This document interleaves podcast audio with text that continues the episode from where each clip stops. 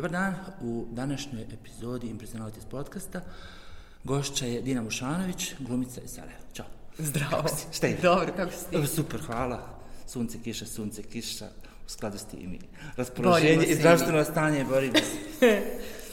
Standardno pitanje koje pitam sve glumce, mislim da smo ti četvrta glumica u podcastu. Kako čovjek odluči da igra na tu kartu u životu? Kako se čovjek opredijeli da se obrazuje da bude? Kako i zašto? Kako i zašto, da. Um, pa, ja sam dugo vremena vjerovatno htjela biti prodavačica i doktorica i životinjarka, slash veterinarka, nisam znala kako se to zove, cvjećarka sa djedom. Međutim, uvijek mi je malo bilo strah tih životinjica i e, mislim da prvi moj neki susret sa scenom je bio u Gelsenkirchenu u Njemačkoj. E, u tom izbjegličkom kampu imali smo kao neki nastup. Imam, mama čuva dan danas taj um, isječak iz novina. Ja kao neki cvijet.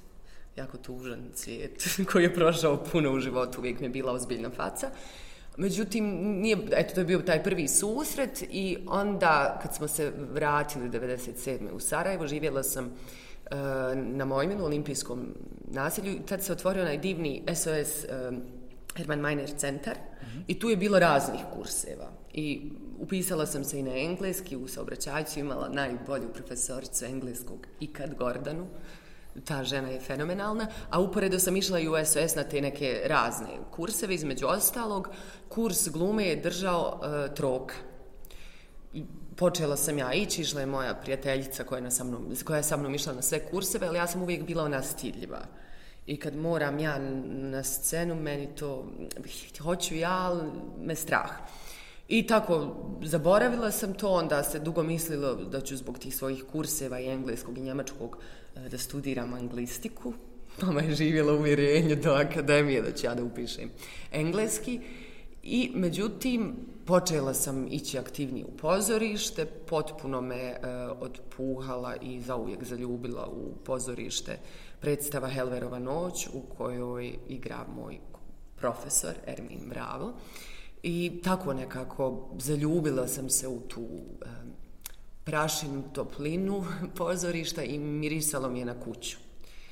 I prosto nekako u srednjoj školi isto otvorila je profesorica Bosanskog, Lejla Kovačević, isto neki klub, mm, monodrame i neke monologe smo izvodili i onda su svi profesori rekli kao, a pa ti ćeš ovo, budući da sam u tom trenutku mnogo bježala iz škole i bila nemoguća. Uh, Eh, svi su nekako znali da je to to i htjela sam čutala u sebi kad je došlo vrijeme za prijemni, ja sam predala samo tu eh, na opći šok cijele familije i moje majke, zašto nisam predala još negdje za svaki slučaj. Eh, prijemni je trajao, trajao pet dana i ja nekako upisah. Kako, kakav ti je izgledao prijemni? Kako je izgledao? Imala? sam prijatelje... Uvijek imala za zancija monolog recitacija i to. Kako, kako je izgledalo? imala sam prijatelje koji su već išli na akademiju, budući da je mene to jako zanimalo. Zapravo, tad mi je bio prijatelj, sad je moj suprug Benjamin Bajramović. On me je nekako um, upućivao i govorio mi šta treba za taj prijemni. Mm -hmm. Non stop mi je govorio da moram mnogo da čitam, da gledam. Uh, da razmišljam, ja sam se to skupljala, ali nikako nisam nikad smjela do kraja da se bavim time od straha e, neće ja to uspjet kako će ipak to. Ja sam to sama sa sobom prolazila, trebalo je za taj prvi krug spremiti monolog, recitaciju i ili dva monologa i recitaciju, čini mi se. I to je kao prvi krug i ako prođeš dalje imaš sitne e, testove, ispite iz stručno umjetničkih predmeta koje ćeš svakako da pohađaš. Jel, ako prođeš, bio je tu e, test književnosti, teoretski, e, pisali smo i neki esej, razgovor sa psihologom i to je to, čini mi se, što se ne odnosi na te stručno umjetničke predmete.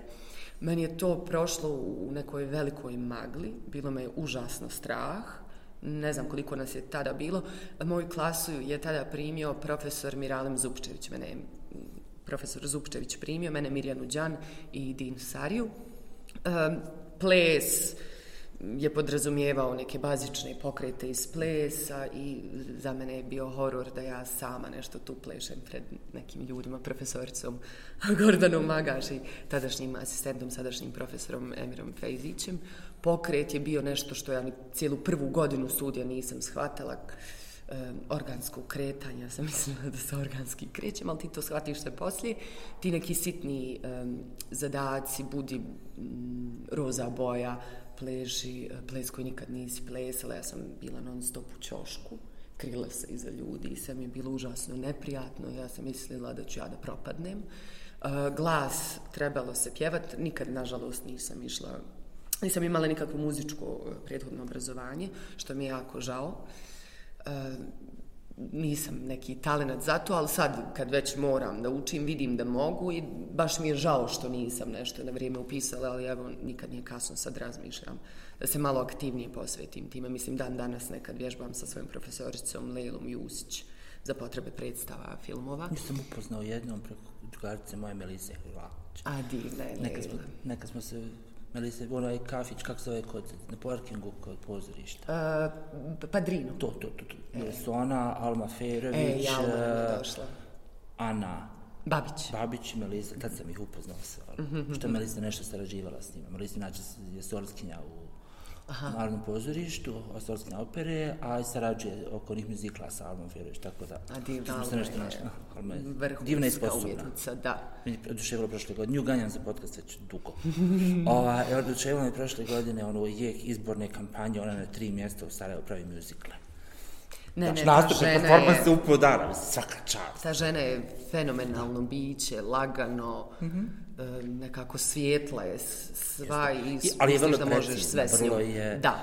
Savjesna ekipa je divna, mali što je sad u Zagrebu, Faris, Faris Sara, Hana Zrno. Hana Zrno, dobro, Melisu znam privatno tako da nije, i ne vidi podcastu, tako da ne hvalim bez veze, ali generalno svi koji je okružuju, Nenad Dešć kao prate na klaviru, i baš odlična ekipa. A, i ja, Dobro. još smo na prijemnom govor, glas, to su stručno umjetnički predmeti i gluma na kojoj ti dobiješ jedan novi monolog i ostaviti jedan stari na kojim radiš sa profesorima, sve do tog e, završnog dana kad ti izvedeš ponovo, čini mi se koliko mi pamćenje služi, oba monologa.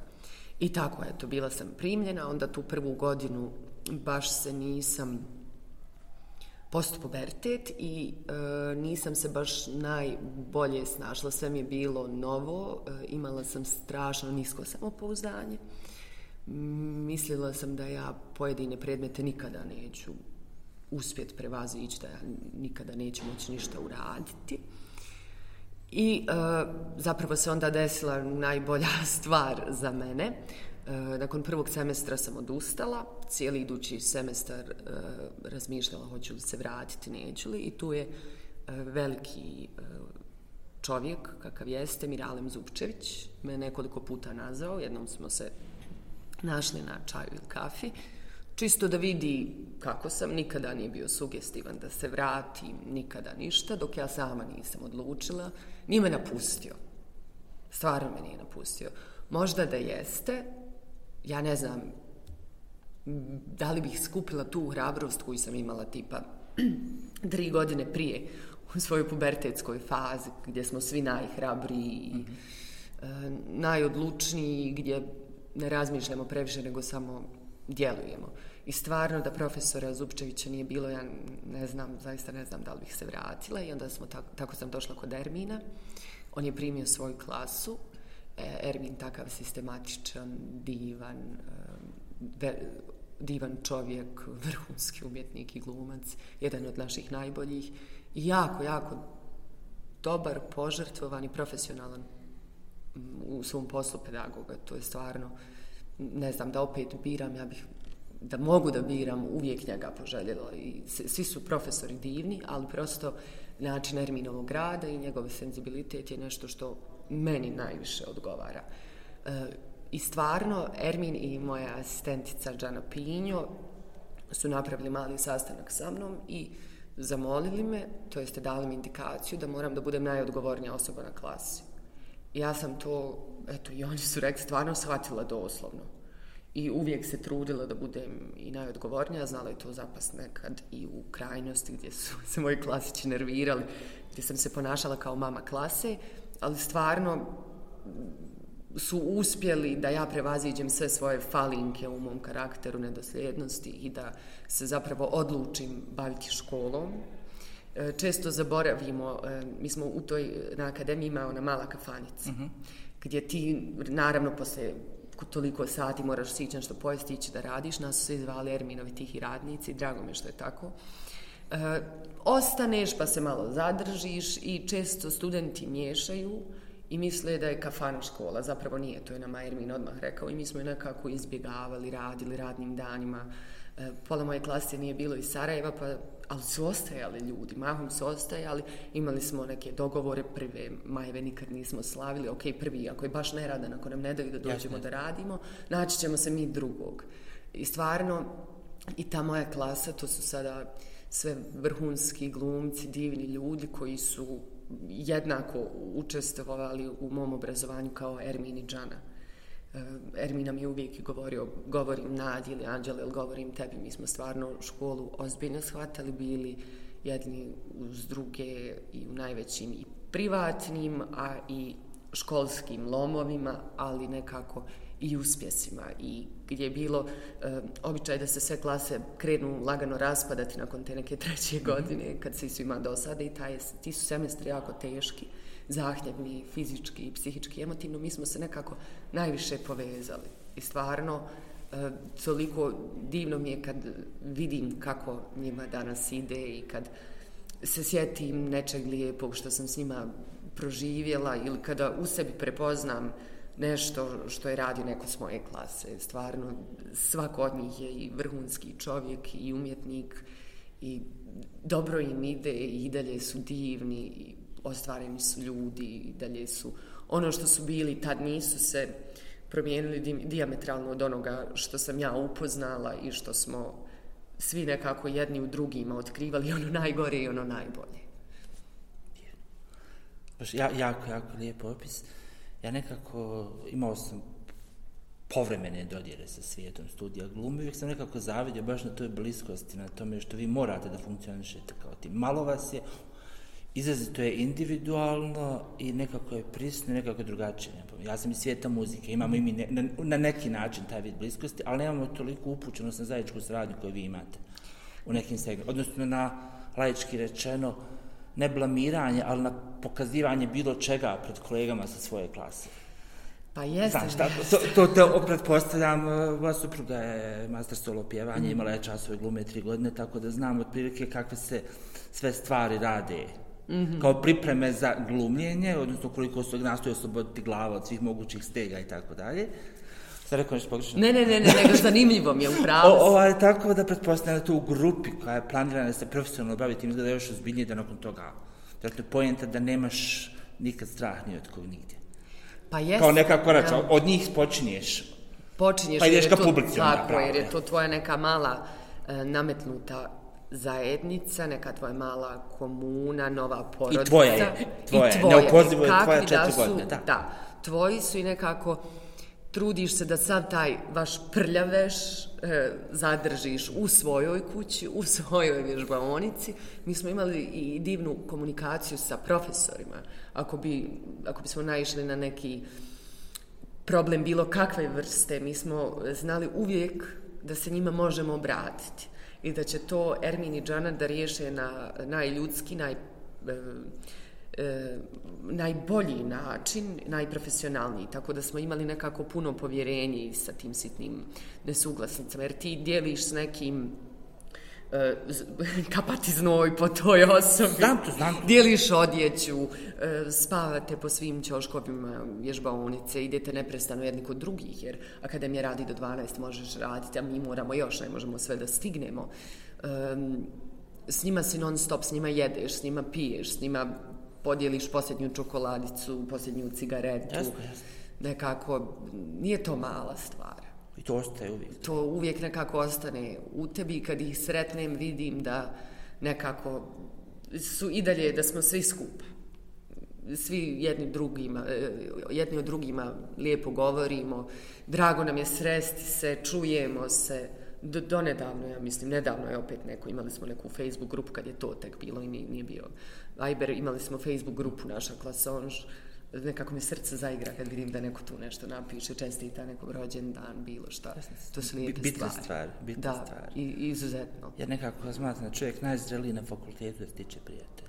Pa Ono, tu se lomiš, da. Drugarstva iz osnovne škole su relativne. Ne možeš ti procijeniti nečiji karakter na osnovu toga što si sjedio s njim, što ste bliski, što ste ovo. Srednja škola je neprijatan teren, klizak teren, Jest. gdje rade i sujete je imovinska stanja i Da. bezobzirnost dječja. Mm. E, fakultet je večno. Tu ko se opredijelio, opredijelio se prevaziće to. Da. A taj nivo bliskosti koji vi morate da imate, vjerojatno dovodi do... Da, i poštovanja. Druga do groba, što bi rekao Balašević, Tako je. Pa dobro, znam, neke moje prijateljice iz osnovne se i dalje druže, od osnovne su prijateljice. To su bile i moje, mi smo se malo razišli, ali meni je drago, one i dalje funkcionišu savršeno. To je prelijepo i baš rijetko. Ne, prijatelji s akademije, mislim, mi se svi srećemo, svi smo bliski, ti se krugovi često i mijenjaju, to nekad uslovljavaju i zajednički projekti. Ti ja nikad tipa nismo radili skupa pa sad radimo, a pa vidi, možemo se družiti, zapravo baš mi odgovaraš. Mm, Ne, nemam baš puno prijatelja iz em, svog estafa, kako već Branše. hoćeš nazvati, branše, Nek- ali e, moja najbolja prijateljica je Staša Dukić. Kovrđava, Kovrđava, što je. Matea Jeste, Staša je ušla sad u u istu njemu Londonu. seriju kad je ovačla, ušla u vožnje tramvaj kad je, jel tako? Jeste, jeste. I naravno... Istražio sam sve oko tramvaja mi je bilo jako Jel? zanimljivo. Ni, nastojao sam, znao sam tekst, Mhm.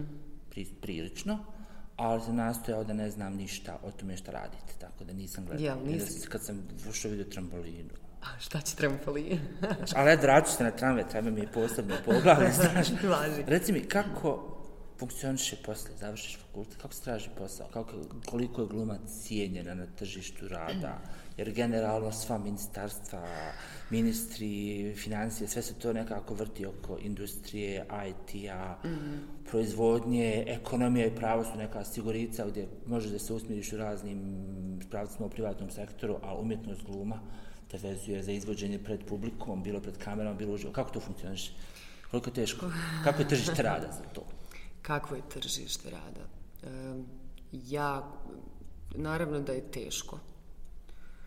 Um, ti završiš tu akademiju, bude posljednji dan škole, poneko, bar eto, sad je, čini mi se malo bolje za mlade. Dobro. Jer em, više se predstava radi, sad kako je Dino Mustavić direktor e, Narodnog, pa se malo e, veća je proizvodnja, više su potrebni.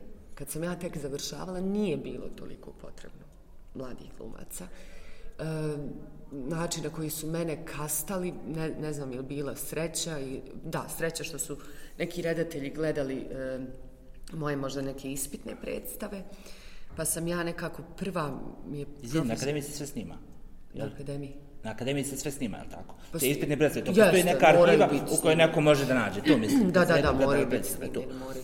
Čak bih neke mnoge voljela i da vidim, nekad smo ih dobivali na CD-ovima, Mm. znaš.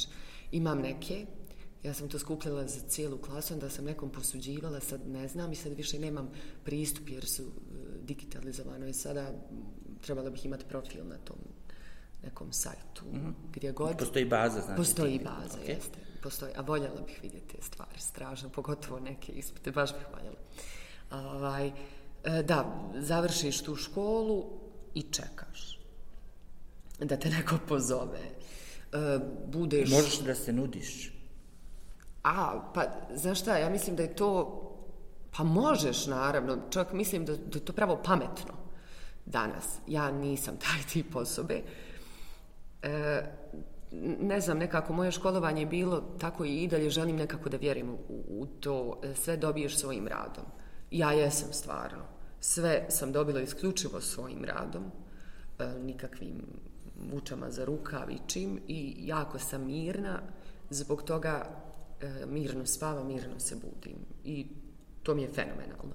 Međutim, sada tek nekako, valjda i sa iskustvom i sa godinama koje nisu neke, ali eto opet sad sam neka kao odrasla osoba, shvatiš e, koliko je glupo neprestano držat se po strani, gledat možda ne s visoka, već sa nekom averzijom osobe koje idu, e, govore, hej, tu sam, živ sam. To je najnormalnija stvar. Mhm e, ima tu ponosa, naravno, i te neke želje, e, ne znam, Ali idealizacije toga da će se, tako je, da će ti se tvoj rad, trud isplatiti. Neće uvijek.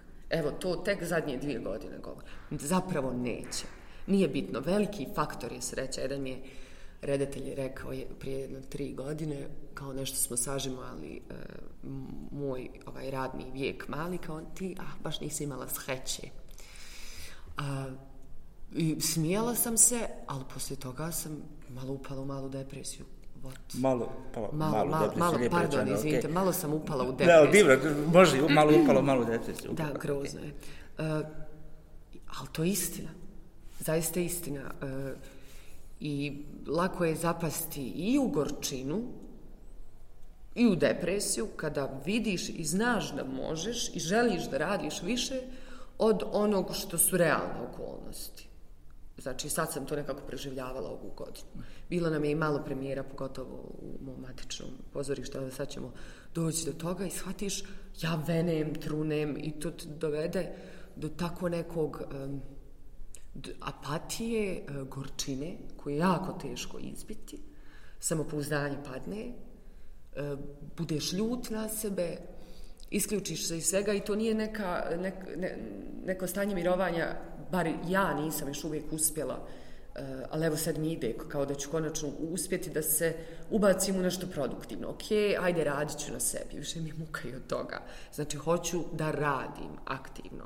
Mislim da mogu i želim i volim. Ja stvarno ništa drugo ne bih mogla da radim. Naravno, sve mi je divno za iskustvo i može, može čovjek sve raditi. Ali ja ovo stvarno svim svojim bićem toliko volim da ja prosto sam tužna, ja sam neutješna, meni slomi srce svaka duža pauza. Ja ne mogu da sjedim kući.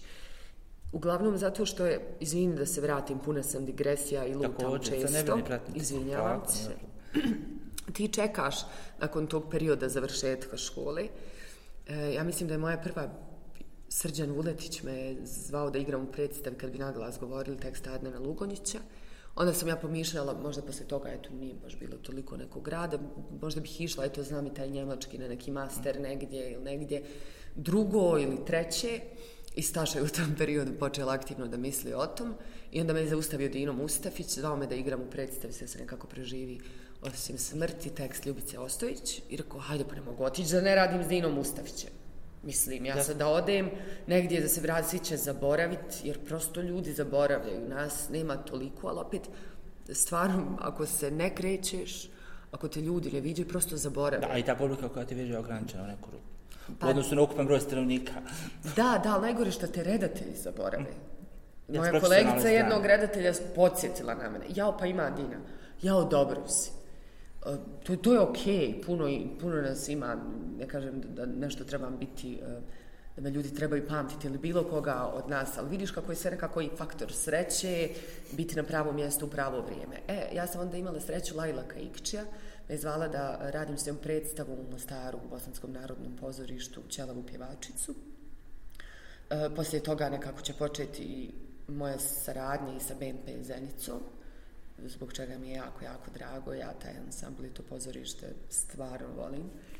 Um, I tako sam i putovala, nisam znala gdje sam, u kojem sam gradu i onda e, kamerni teatar, tačnije tadašnji direktor Emir Hadži Hafizbegović me je pozvao da radim pripravnički tu.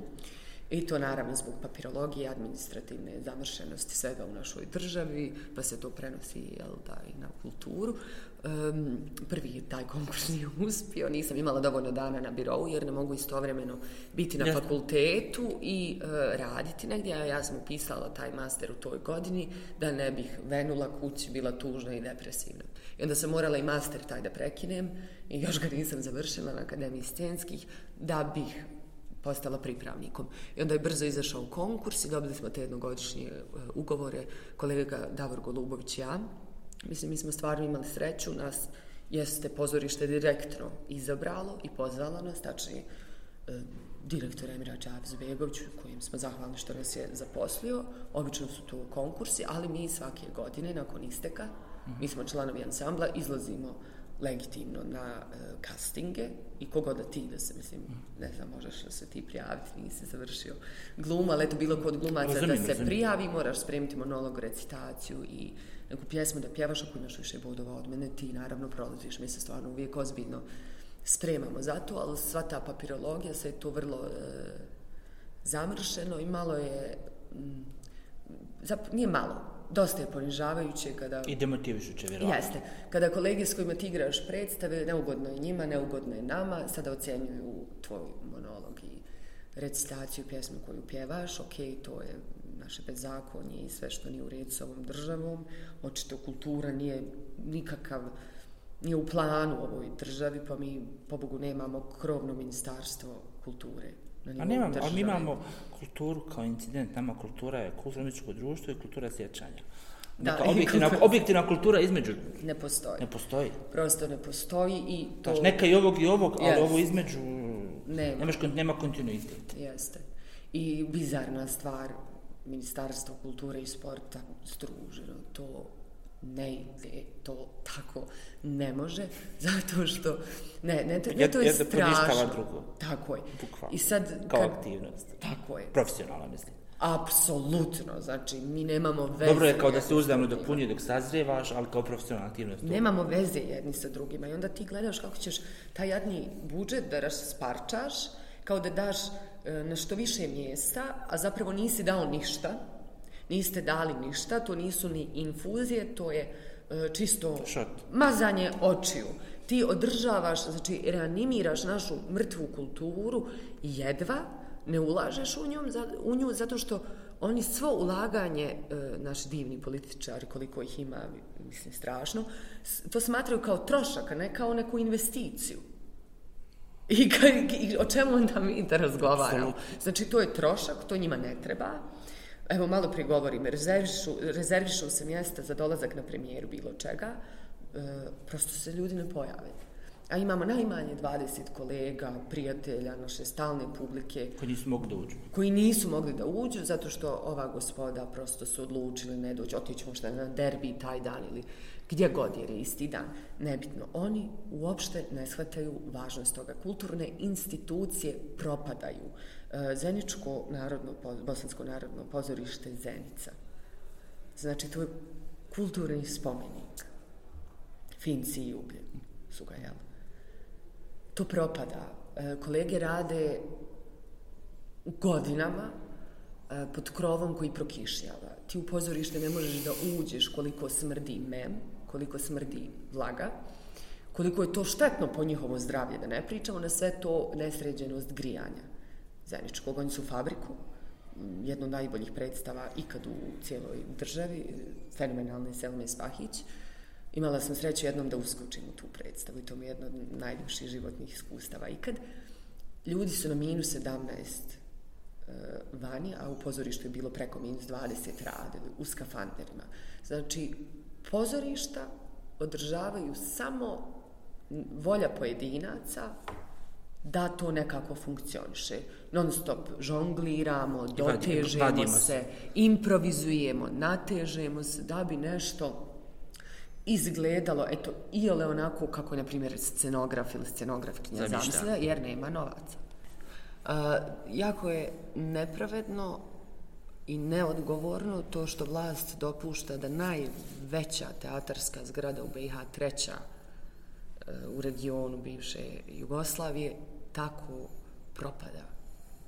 Unutra rade e, ljudi koji jako vole svoj posao, koji su jedno vrijeme držali najbolji repertoar u cijeloj BiH. Odgovorno tvrdim. Ljudi koji, polu, e, neki su poluamateri, amateri, e, nisu svi završili akademiju, neki su završili kurs kod profesorice Tanje Miletić Oručević. Ti ljudi su svi napredovali fenomenalno su napredovali kroz rad sa divnim redateljima i toliko je bezočno i besmisleno pustiti da takva jedna mm, arhitektonsko čudo propadne. Tu postoje prostorije za koje i uposlenici ne znaju.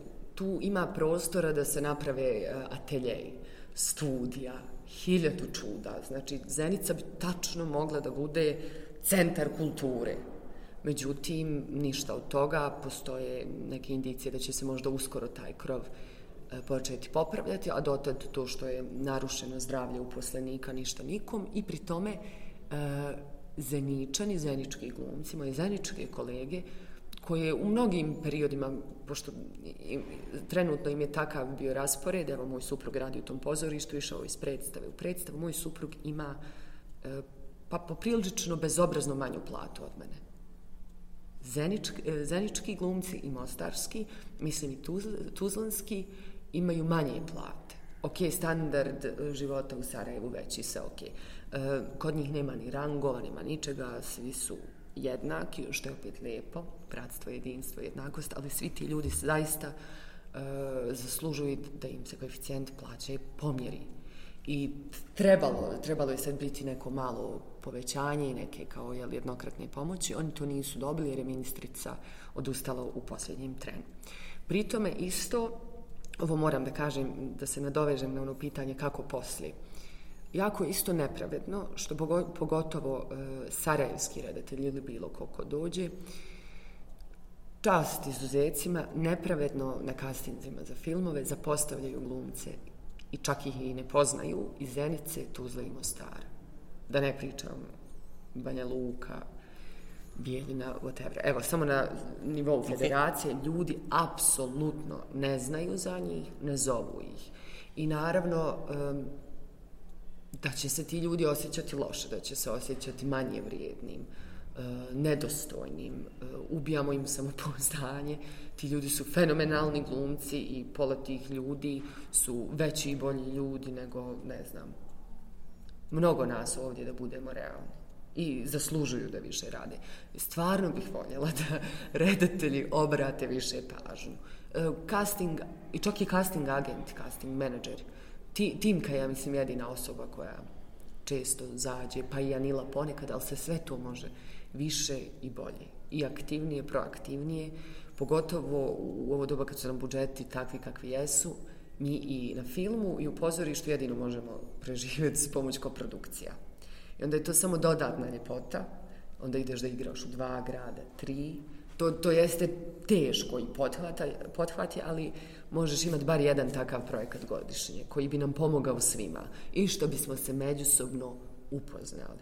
Ja, to, to bi bila najdivnija stvar ikad, nekad, sam, nekad smo i pričali o tome kako bi bilo lijepo, pa što evo, ne možemo nekad neku koprodukciju sa e, Banja Lukom da ostvarimo. Ne možemo zbog ovih glupih budžeta. Mi bismo i radili skupa i voljeli bismo i trebali bismo, nego kod nas je sve tako zamršeno da nam prosto ne dozvoljavaju da se viđamo, da se srećemo, mi koji smo, ja mislim, i najspremniji, najotvoreniji, da prosto počnemo da živimo ovaj život i da se ne bavimo dnevno mi noćnom da, politikom. politikom i svime i jednonacionalnim ključevima i ko je kome dao više para, ko je kome manje, zašto je baš ovaj dobio, zašto se zove ovaj, kako se zove ili ova. I zašto baš njoj, jer eto nismo prošle godine, pa da zadovoljimo sve tri. Ma ja, vas uvijek ispuni ta da, da. kvota, kvotice i tako. To je poražavajuće, zaista. Koliki je vaš glas, koliko možete? Koliko možemo? Pa... Da se obratite, koliko vas puštaju javnost? Pa... Ako niste neki mainstream glumci koji iskaču pre štete. Ja, pa ja to definitivno nisam. Ovaj, I ne znam, ja... Mislim, moje kolege koje se bave raznim aktivizmima stvarno poz, e, pozdravljam svaka čast na hrabrosti, odvažnosti, volji e, kolegicama za nisam tražila, e, Irfan Rivić koji se bori za upotrebu kanabisa u medicini, razni ljudi koji podržavaju razne svrhe, LGBT zajednicu, udomljavanje pasa. Idemo koliko možemo. Međutim, koliko ko hoće, koliko ko može, e, kakvom, ko, koje bitke neko želi da bije. bije, znaš. Evo ja svoje biram. Meni je, meni je malo zastrašujuće, već odavno, to kako je taj Facebook postao nekako preprisutan je, mediji zlopotrebljavaju statuse, ljudi, stavljaju ih u oficijalne vijesti, ja ne želim da me iko zloupotrebljava. Ali to je standard, ti To- recimo meni u je to Srbiji imaš Vučićev tweet koji ide na dnevnik. Naravno. I to je regularni kanal za informacije, znači nije Tanjug, nije nijedna medijska kuća, nego je tweet. Meni je to strašno. Jeste, ali to je generalno postalo tako. Izjavio, imaš Trumpa. Da. Američki predsjednik se vraća I to je oficijalna vijest. Ne, meni je to zastrašujuće i to nije Ajde, nešto... u- zastrašujuće je svakako s Da. pozicije novinara, zastrašujuće iz pozicije civila. Ja pretpostavljam da predsjednik neke države kaže objavite moj tweet. Mhm. Ali ako neko uzme tvoj tweet i onako ga objavi, to je onda, bez tvog znanja, to je onda problem. Zloupotreba, to, to je strašno. A otvoreno je sve i, i nažalost ima gomila ljudi koji bi da to dočekali. Pa, Znaš, onih uh, online mudraca, onih koji se... pa, e, da, to je nekako, Za znaš... tastaturom, uh, Jeste. Druga krajnost, tako je, gdje e, sobstvenu nerealizovanost i sobstvene neke sitne e, disputes sa ljudima, ove neke sitne, jako niske, nedostojne našeg posla, e, bi u tu bitku tako preko tih društvenih mreža. Otvornim pismom. Da, pa... uh, I otvornim statusima, što je još gore. Pa se ljudi podržavaju, onda malo mi je zastrašujuće tipa e, neke podrške koje su izostale. Mnogih ljudi e, od kojih to ne bih e, očekivala da će da začute na neke stvari. Tipa, ništa sad veliko globalno, kako god, evo, mislim, ja, ja stvarno nemam nikakvih filtera. Pričaj me. Um, ne, zastrašujuće mi je to recimo kako niko nije podržao e, rasparčavanje nagrađenog e, teksta mog supruga e, i mog kolege Benjamina Bajramovića, praizvedbu koja uopšte nije bila njegov tekst u Narodnom pozorištu Sarajevo. Ja sam bila u tom procesu. Znači, raspačan je uzeo tekst, u nešto i potpisao ponovo njegovo ime, ali to nije bilo to, jel? Redateljica Mirjana Medović je trebala da e, postavi njegov tekst, to je praizvedba. E, Benjamin je dobio nagradu za taj tekst i trebala je biti praizvedba, međutim e, u predstavi koja je trajala 3-4 sata, na kraju je ostalo, pa ne znam, je li 7% njegovog teksta. A koga je to? Koga je ta osoba, je li ga ta da, osoba mislim, ona ga je nekako tako mesarski izrezala, ja sam imala jedan monolog, nije tu bilo nikakvog dramaturškog smisla. E, Nije ga obavijestila o tome, ne bilo ne, priče. ne. Obrazloženje. E, on je dobio Hartefektovu nagradu za taj tekst. E, koji? Hartefekt snosi Za koji? pravo. Za taj izvorni ili- Bordeleden. Ne, ne, taj što je, ta, nagrada je data za tekst koji je Izvorni, dat ili tako za je, izvorni za tekst. To, izvorni to. tekst i trebala je praizvedba i neko je pravilo da ti u praizvedbi bilo kakvog teksta ne smiješ dirati puno teksta.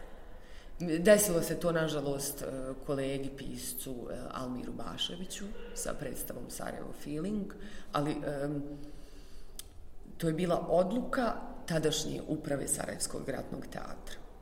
I to je ono što su uradili. Sad mi možemo diskutovati koliko je to ok, koliko nije. E, kada gledaš profesionalno etički, nije ok što se to kolegi Almiru Baševiću desilo. Ali, e, evo kad sad porediš njegovim Benjaminom, mislim da profesor Bašević, Bašević treba biti e, nesretan, ali da vidi da može biti gore. Grozno je što se desilo profesoru Baševiću, ali Tomas, koji je na kraju bio režiser e, teksta i koreograf, je uradio najbolje što je mogao. Iz svega toga, poštovao je tekst. I iz materije teksta je gradio predstavu, što ova... Izvuko, izvuko pokret. Tako je, tako. Jer onda je pokret dominantan na... Jeste. To se des, to je odgovornost kuće, kao što je odgovornost kuće Ok, okay, Narodnog jasno. pozorišta Sarajevo, što su dozvolili, čak je ime ostalo. I, To nisam znao, to je to nije pisao nigdje pred Pa to nije, nije ušlo niko medije. pisao, nije niko govorio, e, Benjaminu niko nije pružio podršku. E, Ja šta sam mogla pisati, neke Facebook stav... Evo ne znam zašto sad ovo i tebi govorim. Vjerovatno jer evo prošla je godina i dalje me to boli. No, to je ružno, to je narušavanje Da, nar- autorskog, umjetničkog, Tako je. etičkog, estetskog svega. potpuno urušavanje teksta koji je potpuno objektivno gledajući, govoreći je odličan. Zaista jeste. Ja sam najsurovija to, to, prema ljudima koje volim. Jasno. Benjamin je, jeste ljubav mog života i moj najbolji prijatelj, ali je vrhunski profesionalac i odličan je To pisac. nije zezanje bilo. To nije bilo zezanje. e, Znam da je namjera Narodnog pozorišta bila stvarno najčasnija da se postavi Benjaminov tekst. I to je divno. Umjetnička direktorica Vedrana Božinović imala najljepšu namjeru kao i divno. Ovo je Mustavić direktor, ovo je samo prosto prošlo jer je to način rada e, ove osobe koja je režirala i prosto je tako prošlo, ali žao mi je i pitam se gdje su ti ljudi, gdje su te kolege da podrže konkretnu stvar. Tako da nije sad ja kao neću iz... Razumijem. Jer Benjaminov život je nužno moj. I obr- i utjecat će obrnuto, na mene. i obrnuto. Tako je, naravno, i profesionalni i, uh, jeste, privatni, ali nekako ja sam bila uh, u tom procesu, pošto sam bila, izašla sam, igrala sam u toj predstavi, premijeri i sve. Jednu reprizu sam odigrala, onda sam izašla, prosto više nis, ni- nisam, nisam mogla da podnesem. Uh, to sve stvarno ne stavljam zvono ni na koga, ni na šta. Dese se propusti razne, razni. Rijetki su procesi gdje sve bude kako treba, ali sa neke profesionalne strane žao mi je što je tako potrošen naslov teksta i sam tekst. Mislim da je jako bitan za danas i e, znam koliko je volje, truda i rada Benjamin uložio da ga napiše i eto, nekako u skladu s tim dobio je i, i tu nagradu, što mislim da ipak nešto znači, jel da? I mislim da je taj tekst bio jako potreban, s tim još više sa strane, e, ovo je bitno što glumicama je teže nego glumicama, znaš, e, češće su u tekstovima zastupljene e, glavne, veće, kako god hoćeš da nazoveš, nema velikih malih uloga, ali okej. okay. glavnjaci su uglavnom muški, a o- Benjamin je pisao za žene taj tekst. Izvrsno piše ženske likove. I žao mi je, jer znam šta je taj tekst sve mogao biti.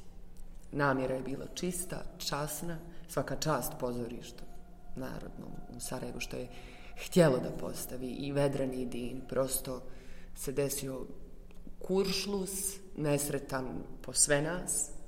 Ne mogu govoriti u ime ansambla, tu svako naravno ima svoje mišljenje, ali ja, jako mi je žao što taj tekst nije postavljen i nadam se kad prođu i ova autorska prava, koliko ih još artefekt ima, da će neko prepoznati bitnost tog teksta i da će ugledati svjetlo Upravo u pozorišta. izvornom obliku. Da, jer je stvarno je šteta, stvarno ja i, i dalje vidam i ližem neke rane iz tog procesa koje su stvarno bile teške, znaš, i time više što sam spoznala da je, da moje mišljenje kao profesionalke i nije toliko bitno, jer sam ja u, u tom periodu bila em, piščeva zaručnica koja je teško, jer to je pisao njen budući muž.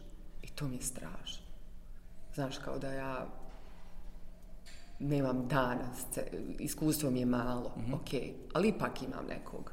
I imam neke soli u glavi, možda mi nekada onaj nedostaje strukture i bježim u digresiji i sve to, ali ipak ima neke soli. I žao mi je, eto, što je to tako nekako sve nečasno ispalo, jer sam realno izašla povrijeđena iz tog procesa na, na svakom mogućem nivou i žao, žao mi je što je potrošen, žao mi je što ta osoba koja je režirala ni- nije shvatila, to je okej njen način rada, ali ne znam zašto je uopće pristala da radi kad će ga tako izmasakrirat bezdušno i stvarno svako je dobro naravno želim, ali not my cup of tea nikad in a lifetime. Da mislim da je dosta taj proces zapravo uticao na mene da shvatim da moram birati svoje bitke. Ja sam se tu stvarno malo dok je vremena prošlo i u razgovoru sa svojim bliskim prijateljima, ja sam se tu ponijela i više čovječe nego profesionalno. Čak sam iznenadila poslije sebe, znaš, ono kad bez veze sjediš, samo ti nešto naumpadne. Kako sam ja tu uopšte nije mi jasno. E, meni je bilo bitno da sam ja to profesionalno iznijela, uradila sve što je redateljica htjela od mene, ali mi je žao što ranije nisam reagovala i što nisam bila glasnija. Mm -hmm. Ali prosto, vjerovatno iz ovog što sam ti sad na početku rekla, što se tako nekako čudno na mene gledalo, um, a nisam smjela to dopustiti.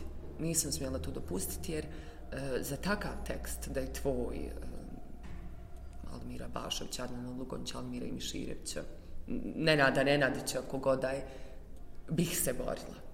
Još više. Ovdje sam dopustila da me, mislim, na moju radost, veliku, e, moja privatna e, da me slome preko, da me, ja, da me slome iznutra i da to doživim kao nešto čega se trebamo odlijepiti, a zapravo ne. To je samo sastavni dio mog života. Žao mi je e, što nisam bila glasnija, jača i zbog Benjamina i zbog tog teksta. Trebala sam. Trebala sam.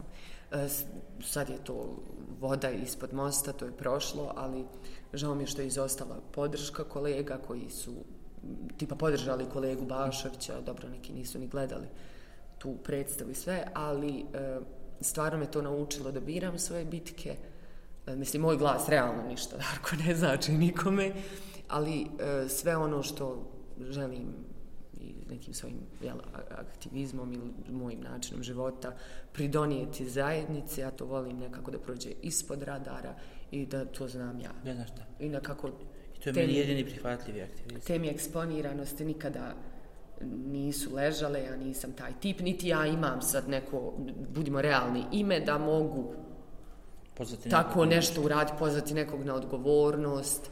Evo sad što se dešava kolegama u Crnoj Gori, njima je jedini, nije, nije im podignut koeficijent plaće, to je jako nepravedno. Ali, evo, sad moj, ja su osjećam, jako mi je žao, ali ja kao ja, osim da govorim kolegama, hej, vidite što se dešava našim kolegama u Crnoj Gori sa nekim jasnim, javnim, pod navodnicima, na, istupom, neću uspjeti ništa. Trenutno linč na kolegu Milana Marića i dvoje njegovih kolega Tamare i, i slaba sam si menima, ja se izvinjavam. Znam bračni par, Ja se izvinjavam. Uh... To što se dešava sada ljudima, to što im prijete da znaju gdje, će, gdje im djeca idu u školu, to, to je prestrašno i njima se treba svaki vid e, podrške i vjerujem da to dosta e, naše kolege iz Srbije i rade. A nama takve stvari, direktni linč na nekog glumca, se ne dešava toliko često, zar ne? Mislim, nismo toliko Reša, ni bitni. A bojim se da su glumci toliko, toliko marginalizovani da, da bi to prošlo. Da. I sve su više isparcelisano. Mm. Ne znam se koja, koji kanton bi ga linčovo, koje ministarstvo, ja, znaš, ko, je ko, to u čijoj nadležnosti bi bio koji linč.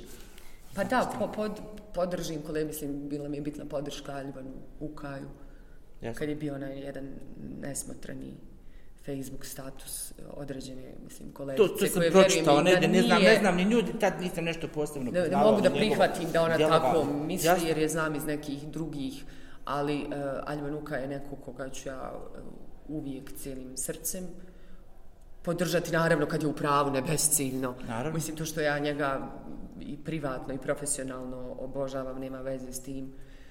Ja uvijek, da moja majka griješi, ja ću reći da griješi. I jako sam osjetljiva na pravdu i na istinu, to mi je strašno bitno. Tako da sam uvijek tu za sve, ali nekako uvijek volim lično, hej Darko, šta je problem? Jeste, jeste. Nekako pomoći bez da nas iko zabilježi, a opet, who am I? A nobody. I meni, meni je to sasvim ok, mislim, ja živim za svoj posao i da radim tu na tom mjestu gdje radim, za publiku koja je trenutno tu, za kolege iza kamere koji su trenutno tu,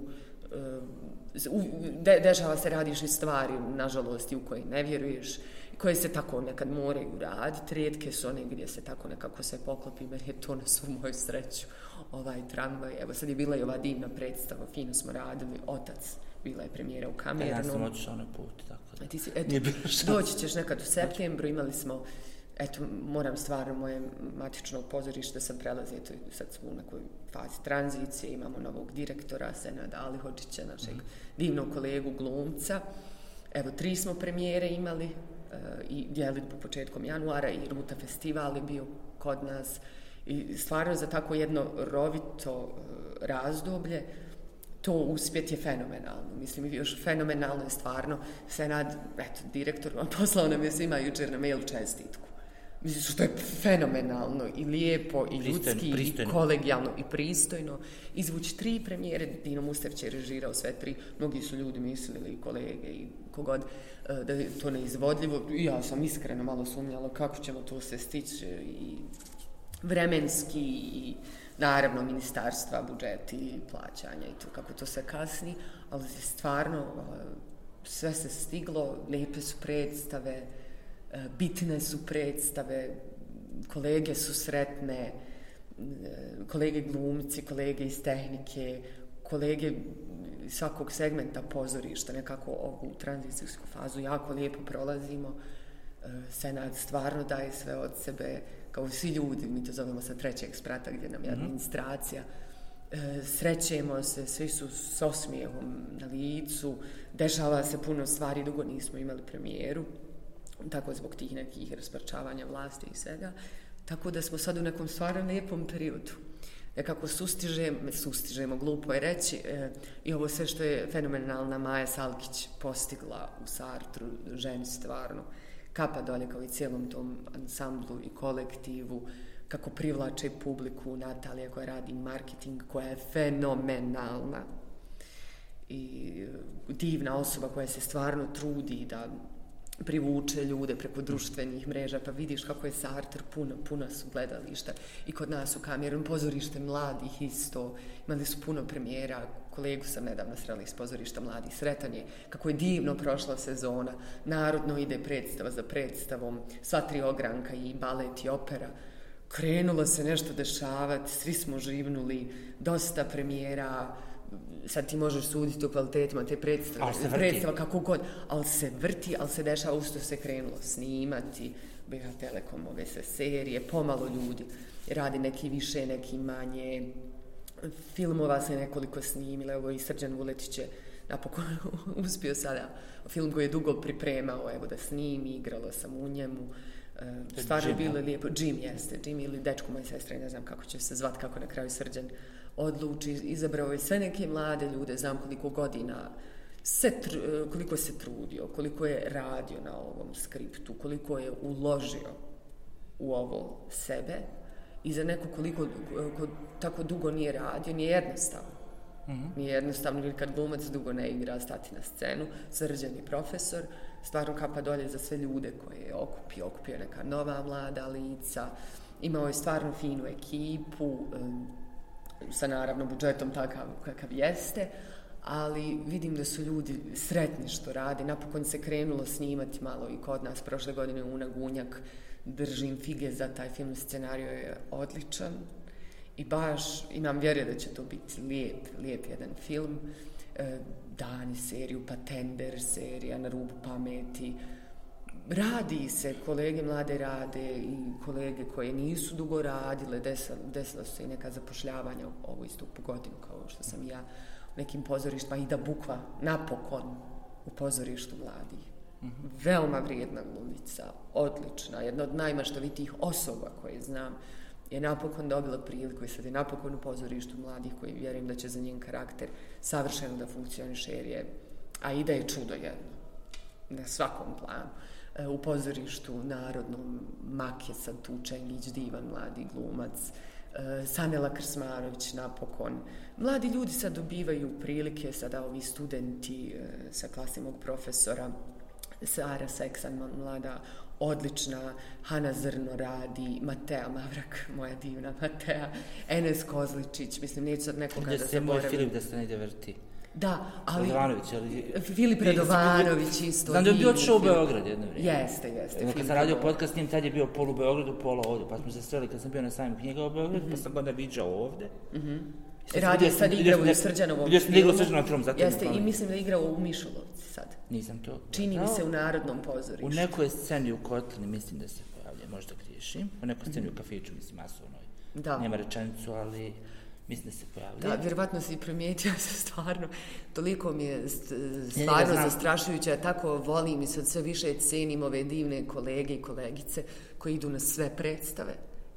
Irma Limanović, Verima Lević, Mona Muratović u tome nekako prednjače. Te žene, taj njihov za, ta njihova zarazna pozitivnost, optimizam, te žene prate sve, e, idu na sve predstave u ovom gradu, uvijek su pune podrške, rade puno, na, ali one sve stižu. Irma koja samo iskoči od nekud i, i zaspete tom svojom nekom ljepotom unutarnjom, to mi je fenomenalno. Takvi ljudi me isključivo zanima i ne ove sitne razmirice. Ja kod ljudi najviše cijenim promjenu, svi greše, ali isto tako imaš pravo i da napreduješ, da se mijenjaš i to mi je fenomenalno. Nadam se da ćemo dobiti sada još nekih e, novih mladih ljudi u kamernom teatru. Sad je sa mnom u predstavi sa nama igrala, igrao je ovaj fenomenalni slovenski, slovenački glumac Vladimir Jurc. Toliko sam sretna što sam ga upoznala, on je fenomenalan, fenomenalan glumac. Tako divan i Nadine Mičić je igrala. U toj predstavi divna je. Nadine Ona Mičić, ona je jedna od četiri, nisam tražila tako. Tako je, tako je, igrala je sad i u Ja kad sam te upoznao, uopšte nisam znao da je uključen u to, to sam nakladno. Jel? Skonto, pa sam onda zapamtio sva četiri imena, pa sam još čitao Jeste, sve. Ana Tikvić, Asija Krsmanović, Nadine Mičić i Mateja Mavrak. Uh, Nadine je stvarno jedno civilizovano, divno, radišno i jako talentovano biće. Eto, ta, takve stvari mene hrane i Naravno, to to- prosto to glavna obožavam i najviše, tako kad pogledam, e, dnevnik ne pratim, ovako ponekad dopru neke vijesti do mene, isključivo me nekako za- zanimaju ljudi koje volim. Prošla godina mi je tako nekako bila um, jako turbulentna sa, sve s ovom predstavom o kojoj sam pričala, koja mi je velika škola. E, težak proces, pa sam odmah nastavila da radim za film festival. Radila sam šest godina, ove godine odmaram. Festival je jedna od naših najsvjetlijih e, tačaka Kulturnih u- tačaka. U, u, u državi, u regionu. To je najveći festival. Ja mislim da je mene stvarno dosta oblikovao kao osoba. E, često će možda moje kolege reći, ajde šta da radiš tamo da budeš hostesa. Apsolutno ne, ja sam na početku bila host um, žirima i onda sam tako napredovala i onda sam postala koordinatorica žirija. Izuzetno zahtjevan posao, težak posao, ali što tipa Asja Krsmanović kaže, moja kolegica divna, uh, na kraju se sve nekako isplati kad vidiš uh, sreću ljudi, svih ljudi koji su tu. I tu kad upoznaš uh, neke od najostvarenijih ljudi iz filmske industrije i vidiš koliko su ti ljudi zapravo najnormalniji, dok tipa Ašgar Farhadi sediš s njim u specijalu, na ćevapima i tako pit, ispitujete neke Čiti lične stvari. specijala, čestite. Da, Tako, speci- tako, Jel? samo to. Da. I tako neke fenomenalne ljude upoznaš. Mislim, ja to nikad nisam, možda sam i trebala. Mnogi ljudi ni ne znaju čime se ja bavim. To, rad- mislim, ja to shvatam kao svoj drugi posao i jako će mi teško biti ove godine. Gledam to kao neki odmor, ali nešto u meni gori jesam li napravila pravu odluku, jer će mi nedostajati. Teško je, ali stvarno e, biti dio nečeg tako velikog je nešto što ti niko ne može Jel praviš pauzu namjerno platiti. ili... Pravim pauzu namjerno, znaš, jer mi treba. Prošla godina je bilo tako sa i privatno, Jasno je sad treba, ljeto, ljeto, to. ljeto, ja. I nisam imala ljeta slobodna već nekoliko godina. Eto i prošle godine sam eto, počela i živjeti sa suprugom i sve. E, izgubila sam jednu od najbitnijih osoba u mom životu, moju e, Nanu, i to me nekako sve sad stiže. Imala sam taj dugi period nerada koji me skupa sve s tim malo u depresiviju, sad se čupam iz toga radom i stvarno je lijepo, ok sve. Ali tačno mojoj duši treba odmor. Treba mi e, da napunim Divno je kad neko ima svijest o tome. Ne, ne, moram stat. Je, jeste da ni, možeš ti reći, a pa dobro, bile su neke dvije premijere, ok, nekoliko snimanja, sve super, ali tako se nekako i privatno sve dešavalo, tako da e, želim nekako da budem s ljudima koje volim i koji mene vole. I samo to nekako sad želim da se napunim tim, jer stvarno rad na sebi, to sam čak zapisala u ovom svom u ovoj svojoj seskici koju sam ponijela za ovu priliku, ali vidim da lutam jako. E, to je jednom rekao, mislim, svi, to, svi su to profesori govorili, ali sjećam se jednom i Danis to rekao, Dan Stanović. E, super, sve, ali najbitnije je lično iskustvo. I dugo sam, ok, pa eto, kada ja stignem imati život i lično iskustvo od akademije i svega, i zaista, ako misliš da se da studiraš kako treba, pa paš i nemaš, moraš napraviti neku zdravu distancu, ali ako želiš stvarno da škola prođe kroz tebe, a ne ti kroz nju, yes. moraš se posvetiti tome, jer ulažeš u sebe. I svi ti ljudi ulažu u svog budućeg kolegu i ti to trebaš da prihvatiš. I stvarno to iskustvo lično je nešto što mislim da je za naš posao uh, najpotrebnije posmatranje ljudi. Ja od svega, meni je na svijetu najbitnija ljubav i ljudi. Mene isključivo to zanima. I nekad uhvatim sebe isto kao da imam neki mali skor, neku svesku, gdje želim što više ljudi da čačnem, da upoznam, da vidim nešto, da naučim nešto novo iz njihovih iskustava. Pa iz moje interakcije s njima. I nekako mi je to najvrijednije, ali evo sad, zadnjih ovih nekoliko godina tako se nekako podesilo osim za film festival, kad upoznaš razne ljude i puno, i to mi bude dovoljno za tu godinu, a ovdje sam se krenula malo izolovati, da napravim neke zdrave granice sa svojom okolinom, e, radi svog karaktera i nekako da se posvetim sebi, jer kako godine odlaze i kako najbitniji ljudi u mom životu idu ka toj starosti i, mislim, možeš ti mlad umreti, ali e, vidim koliko mi je to bitno i koliko želim da znaju da ih volim i da su mi bitni i nekako kako ništa drugo nije bitno ko to. Meni bar ne znam nekako. Ostalo knjige će se stići pročitati i sve ali ne znam meni su ljudi I. najbitniji zaista sve ostalo je nekako. I ti procesi kad radimo bitno je da je što ljepše i bolje jer ti ja na kraju ostanemo bitno je da se mi volimo. Eto sad ovaj u predstavu otac bavi se demencijom, raspadom jedne porodice kroz raspad jednog čovjeka. I pošto sam to sad imala u, u bliskoj prošlosti, svima nam je jako bilo teško. Svatiš koliko je starost čovječe teška i usamljena i koliko je bitno imati nekog i koliko je zastrašujuće i količina ljudi koji sami prolaze koji nemaju nikog, mi nemamo nikakav program za to. Jer u Crnoj Gori ima neki, e, to mi prijateljica, ja mislim, rekla, ima neki program, postoje neke osobe koji idu tako, kuhaju starim uh mhm. -huh. odu im po lijekove, šta god ili uđu, samo 15 ja, minuta da popiju kafu s njima. Mi to nemamo. Ja znam da postoji nešto centar za zdravo starije. Da, Stare, ali nemamo dovoljno. Nemamo taj sistem koji Mladi ide po kućama. U centar za zdravo starije su uključeni ljudi koji su pokretni, koji su... Jeste mogućnosti otvarivanja socijalne interakcije. Ali neki ljudi ne mogu uopće da izađu da. iz kuće. Uopće ne mogu. I tu ti neko živi i ne može ništa i ti ne znaš za to. I to, to, to mi je strašno. Sve više omladine ide i ti ljudi ostaju sami. I to su strašne priče. I nekako, Koje nas sve čekaju na neki način. Da, i tako je ta... Bo, bo, svi su nekako oko nas, ne, mislim, ja ne znam, poznaš li ti pet osoba koje su zdrave u potpunosti. Ne. To, to... Ne, ali ne pokušam da ne razmišljam. Ja isto, isto. Znači, pokušam da ne razmišljam. Želim da se Kao nema, nema, ima onaj glupi, pretpostavljam, to je Šta? nekad neko rekao, pa posto Facebook status. Šta?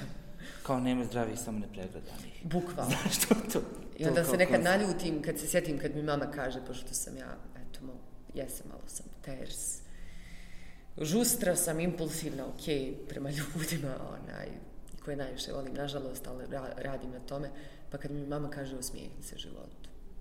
Znaš, u nekom najgorem. Kako ženo, kako, čemu da se... I stvarno jest, kad vidim njen optim... Mislim, moja mama mi je...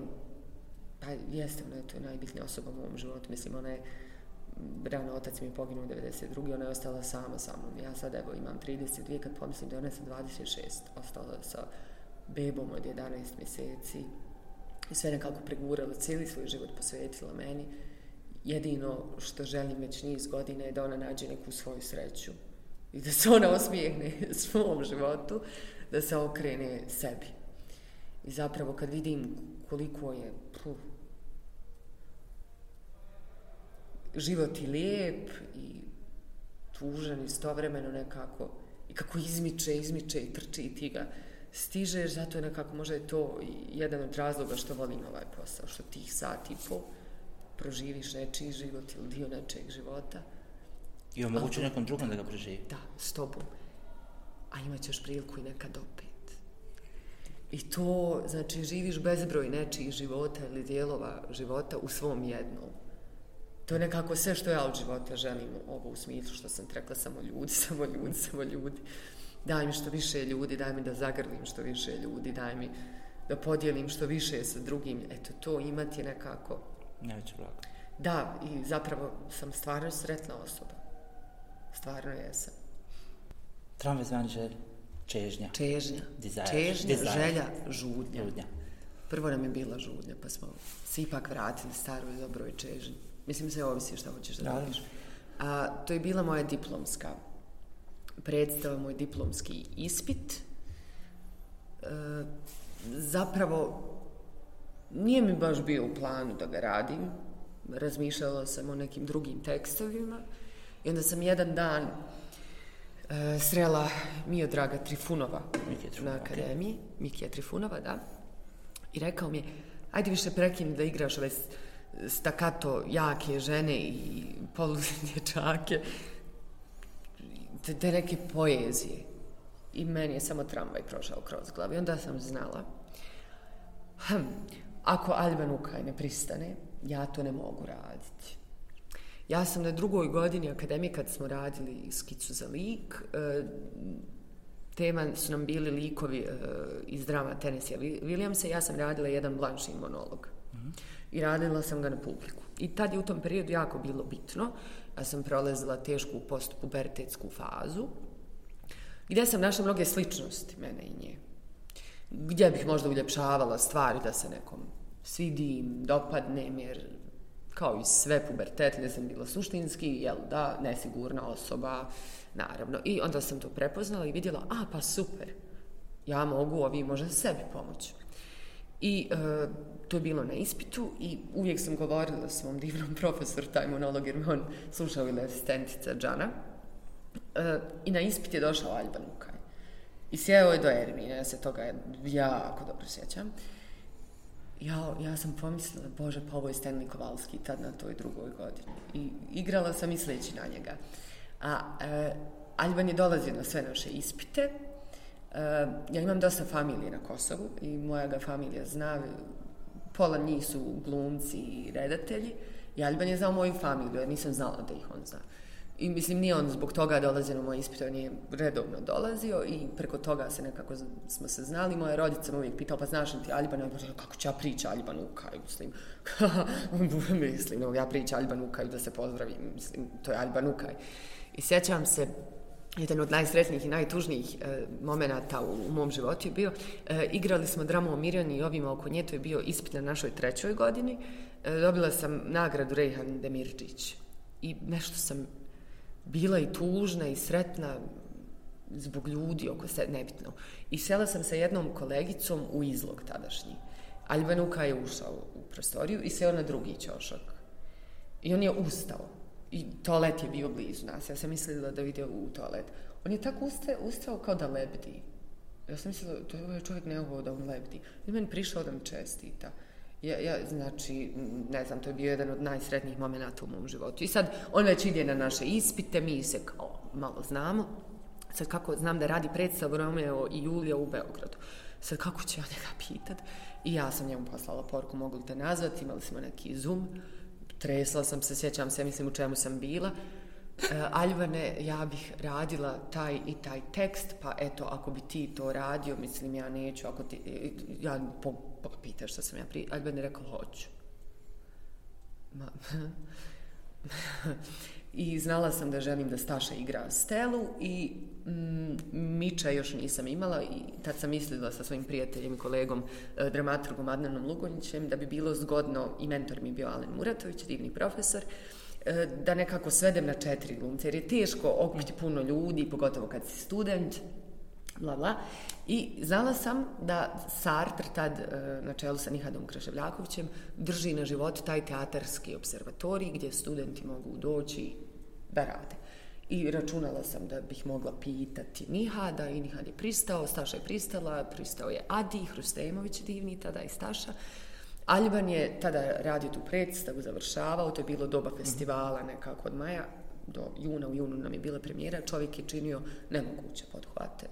E, ode uveče igra neku predstavu, dođe ujutru na probu, ja ne znam kako je on to sve stizao, a Distaša i ja smo radili uporedo. Mi smo to počeli postavljati tako u, u prostoru, mi, mi htjeli smo neke velike e, okvire da imamo ili nešto, ne znam, gledala, stakla prozore. I meni se počelo provlačiti kroz glavu, pošto se spominje kuglana, da li kuglana, nešto iz kuglane ili neko dječje igralište.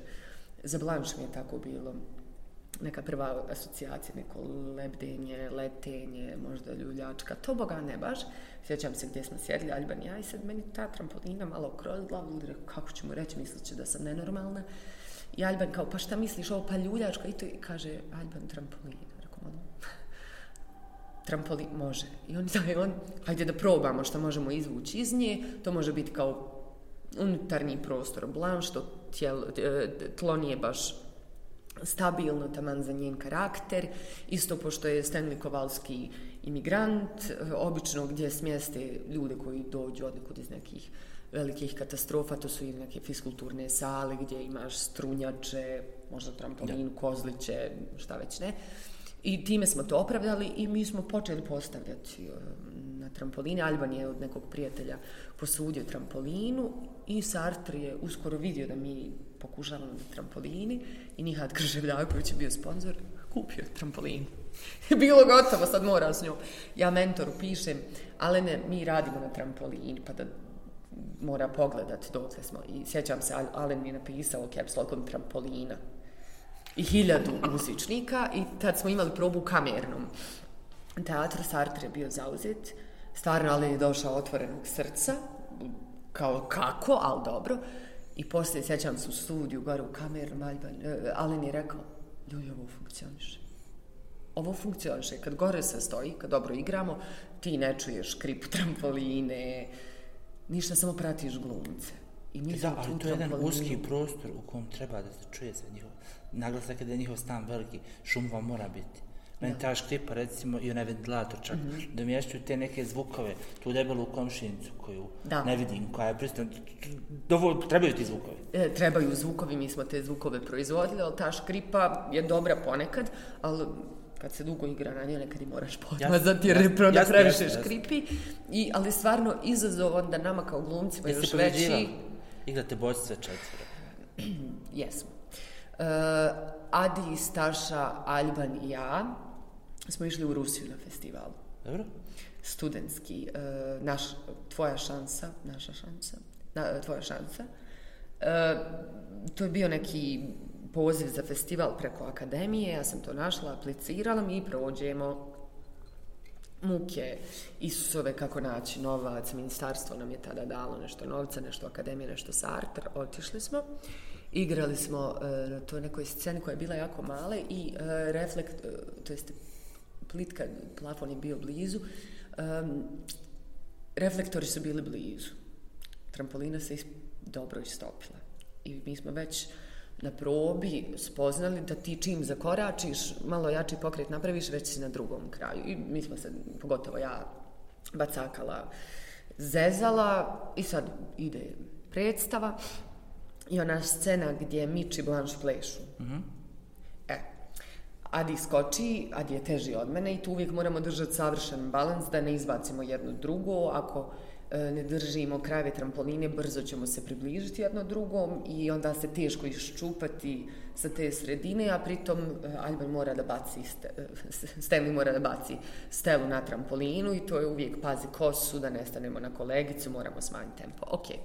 I ja sam gledala uvijek jednim okom na stašu kad će Alban ustati da je baci i pošto je bila tako istopljena trampolina, ja nisam stigla da vratim nogu I dočekala sam se na vanjski dio zgloba jednom, dva put, treći put sam pala na pozadinu i ustala.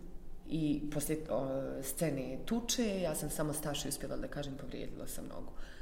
To je bila prva trećina eto, predstave. Do kraja predstave bilo veličine omanjeg, ma, u stvaru, srednjeg kupusa. E, Alban je negdje na pola predstave vidio da mi je noga natekla. Adi isto, na kraju sam skakala na jednoj nozi, boljelo je ko sam vrag, pokušavala sam dizat nogu, prskat je paralizujuća bol. Publika nije shvatila do kraja, Alban me uzeo naruč i spustio sa trampoline, došla je hitna pomoć, neki ljuti ruski medicinski brat koji mi je mnogo toga pričao, vjerovatno što sam nastavila i to dao mi neku, neku injekciju, odvezli su me e, u kolima hitne pomoći, a što je divno u Rusiji, gledali smo jednog Magbeta, e, tradicija, kultura, e, ljudi, neprestano publika bila ne bila premijera, nose ceće glumcima. I tako su mene utrpali u tu hitnu, a dosta je publike izašlo sa cećem. Znači, osjećala sam se kod idem pod zemlju. Neka je žena dobacila neki karamfil ili ružu. I kolega Adi koji je krenuo kao sa mnom u hitnu, Alban i Staša su ostali na okruglom stolu. I tako se valjda i on izgubio, on je ostao sa mojim osiguranjem i sa svim. Ja sam otišla sama sa tom host djevojkom koja je bila je Katarina, čini mi se.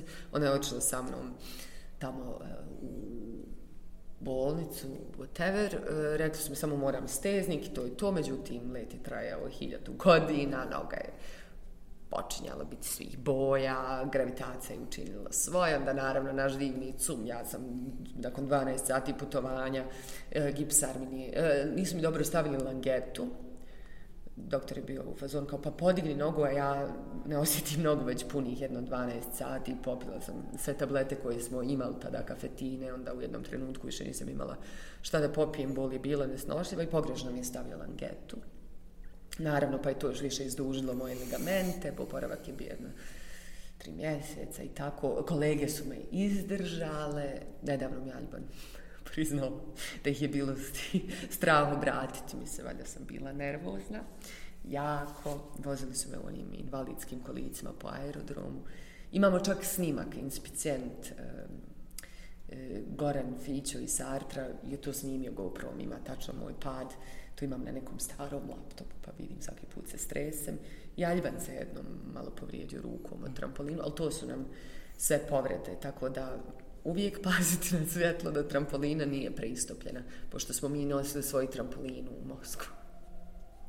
Reci mi, uh, konvencije, šta sve znači prskalica, šta sve mm -hmm. znači one lampe, znači konvencije odnosa imovine, prostora i tako dalje. Jeste ih ustanovili odmah u startu ili ste dolazili do njih postupno? Pa postupno smo nekako... Jasno pitanje? Da, da, da. da. Okay. Iz... Um, materijala onog ambijenta koji smo uspostavili. Znači imamo strašno klaustrofobični mali prostor stana koji je ujedno i blančin unutarnji svet i neka prilika, jel, tim skakanje da se malo prodiše, izdigne iz te močare života tog tranzicijskog e, vremena gdje i po tekstu Williamsa e, novo vrijeme dolazi, pregazi staro i Stella je tu e, epitom nekoga ko preživi taj e, izuzetno zahtjevni i izazovni period. E, idući iz e, materijala, te metalne trampoline, smo došli i do tih prskalica, to su na početku, skupila sam, imali smo sigurno jedno 50-ak bočica parfema, jer se Blanša prestano miriše tim parfemom od Jasmina, onda smo shvatili taj, to nam je staklo jako izazovno, može se razviti, nije baš sigurno i te prskalice su se učinile savršenim jer mijenjaju više stvari, budu parfem, budu piće a, i koristimo ih u promjenama da bismo dočarali atmosferu e, vrelog ljeta, malog prostora, pa smo često oznojeni i mokri i taj ventilator isto radi svoje za atmosferu i za svjetlo, za tu nepodnošljivu toplotu svega što se dešava na scenu, a i vremenskih uslova. Ventilator to je jako bitan. Meni je da ne drži slika ono što ti zadržala. Jer vas dvoje igrate, ventilator se vidi. Aha. Apsolutno, mora biti tu. Da, mo mora, mora biti prosto tu. je nekako iz, iz materijala teksta, a i iz naše vizije, iz naše postavke. Svjetla, E, Blanche se neprestano preslači i tu mi smo se odlučili na kraju da ima samo jedan kostim i kažemo da se ona preslači, ali se zapravo to je jedno te isto. Ali sve što vi kažete je tako dobro postavilo da to u glavi bude tako. Jel, Lampicu znam. vidiš kao nakit, pa vidiš kao imovinu, kao ne znam, pa vidiš kao svječice. Da, zato Jako su vam da. da. konvencije su vam jako ubjedljive i bar na mene kao publiku su jako brzo djelovali. Mm. Znaš, logiku kontaš vrlo brzo. Tako da mi djelovi ste to jako pažljivo osmislili da bi načelna populacija koja gleda odmah shvatila. Glumac je e, oživi, te su lampice, mm -hmm. Blanche uvijek bježi od svjetla, jel to je opozit mm -hmm. koji nju i razotkriva i sve ono što ona hoće da sakrije svoju tu du, duševnu i fizičku izmorenost i nestabilnost i sve ono čega bježi je zapravo njoj tu i zato smo ostavili kao lančić to one male božićne lampice koje su uvijek upaljene, koje se nikad ne ugase, e, koji su njen život, njena istina, njena ljubav njeno svjetlo. Jer što god e, ko rekao o njoj, ona kao i svaka druga osoba ima svoje svjetlo i malo ću više poslije o njoj, a te lampice koje ona nosi kao mnoge stvari koje donosi imovina, ugovori, su nam te lampice koje na kraju budu i e, svječice za rođendanski, koje nam postane trampolina cijela. Jeste vi bavili na tajming za sklapanje? Pa da, to se uvježba nekako ide kroz cijelu tu scenu i ima se vremena za to. To je kolega eh, Elvir, eh, glumac, nam je poslao iz Danske. Sad ćemo dobiti nove, on ih je našao jer su nam trebale te neke leda da nisu previše industry Jasno, style. i da se ne grije, da ne tako pali, je, ništa. Sve, Tako je. I da mijenjaju Imao sam priliku da sve. sjedim ispred vas, pa sam imao priliku baš da analiziram iz dva ugla. Da. A i Jer- kredu imamo kao materijal koja Te karte one, Jeste. Karte kreda koja nekako ide iz njene profesije. Trebalo nam je nešto da može da ostavi trag na trampolini, pa da svako ispod svo, ispred svog kućnog traga ima nešto što ga definiše kroz komad. Da li to drugi govore o njemu ili e, misle o njemu ili Blanche misli o njima.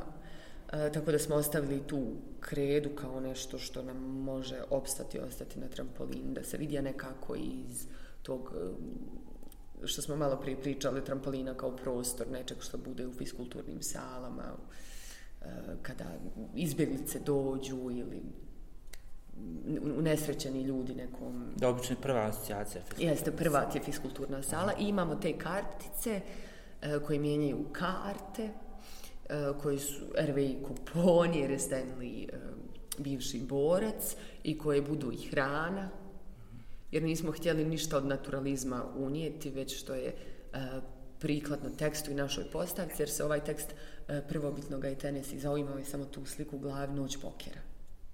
Tako se tekst trebao zvati.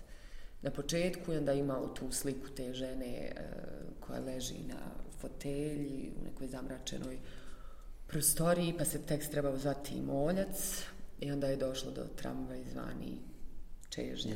Ja.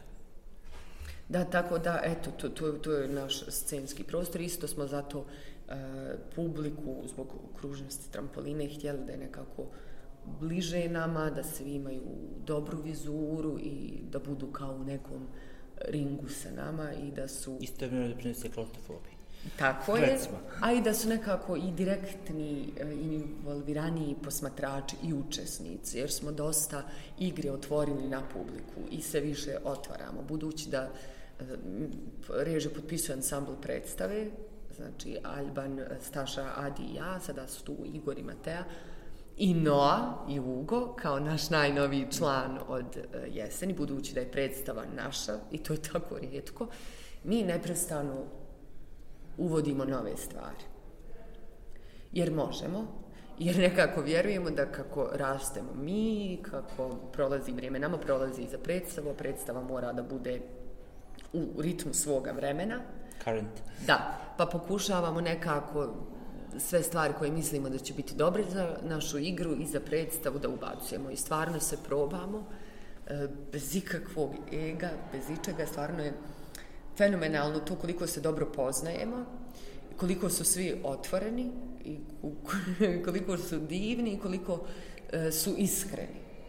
neprestano jedni drugima pomažemo, predlažemo, e, dajemo dobre indikacije, konkretne, korisne, da bi naša predstava bila bolja. E, opća demokratija kod nas, ona istinska, svako ima pravo glasa i neprestano uvodimo nove elemente. Kao i novu muziku koju imamo. Kao rekao sam ti malo prije u neoficijalnom razgovoru, ja sam se osjećao poslije izvođenja kao poslije heavy metal koncerta, što sam gledao upravo. Znaš, niste vi srušili binu, ali ste srušili, ste dva sata igrali. Mislim, to je pojenta pozorišta, razumijem, ali bilo je nešto posebno. I drugi put isto to sam osjećao. Znao sam šta će biti unaprijed, mm -hmm. ali opet sve jedno. Da, baš zato što je nekako eerie, ta muzika nam je najviše i odgovarala. Mm -hmm. Za neku lijepu, veselu sliku, kad još ništa ne znamo ko su ti ljudi, koje žene koja dolazi. I zato smo je ubacili poslije i noj, jer smo uh, mladiće priigrao Alban, jer smo mi uh, pošto smo ostavili samo četiri mm -hmm. lika, ostale replike koje su nam bile nužne smo pridruživali likovima koji igraju u našoj mm -hmm. predstavi. A Alban je igrao kao tu neko snoviđenje, tako smo postavili tu scenu, dječaka. Na razne načine. Bio je dvije lampice, njegov glas ispod trampoline i to je stvarno izgledalo divno. To je bila ideja mog mentora Alena.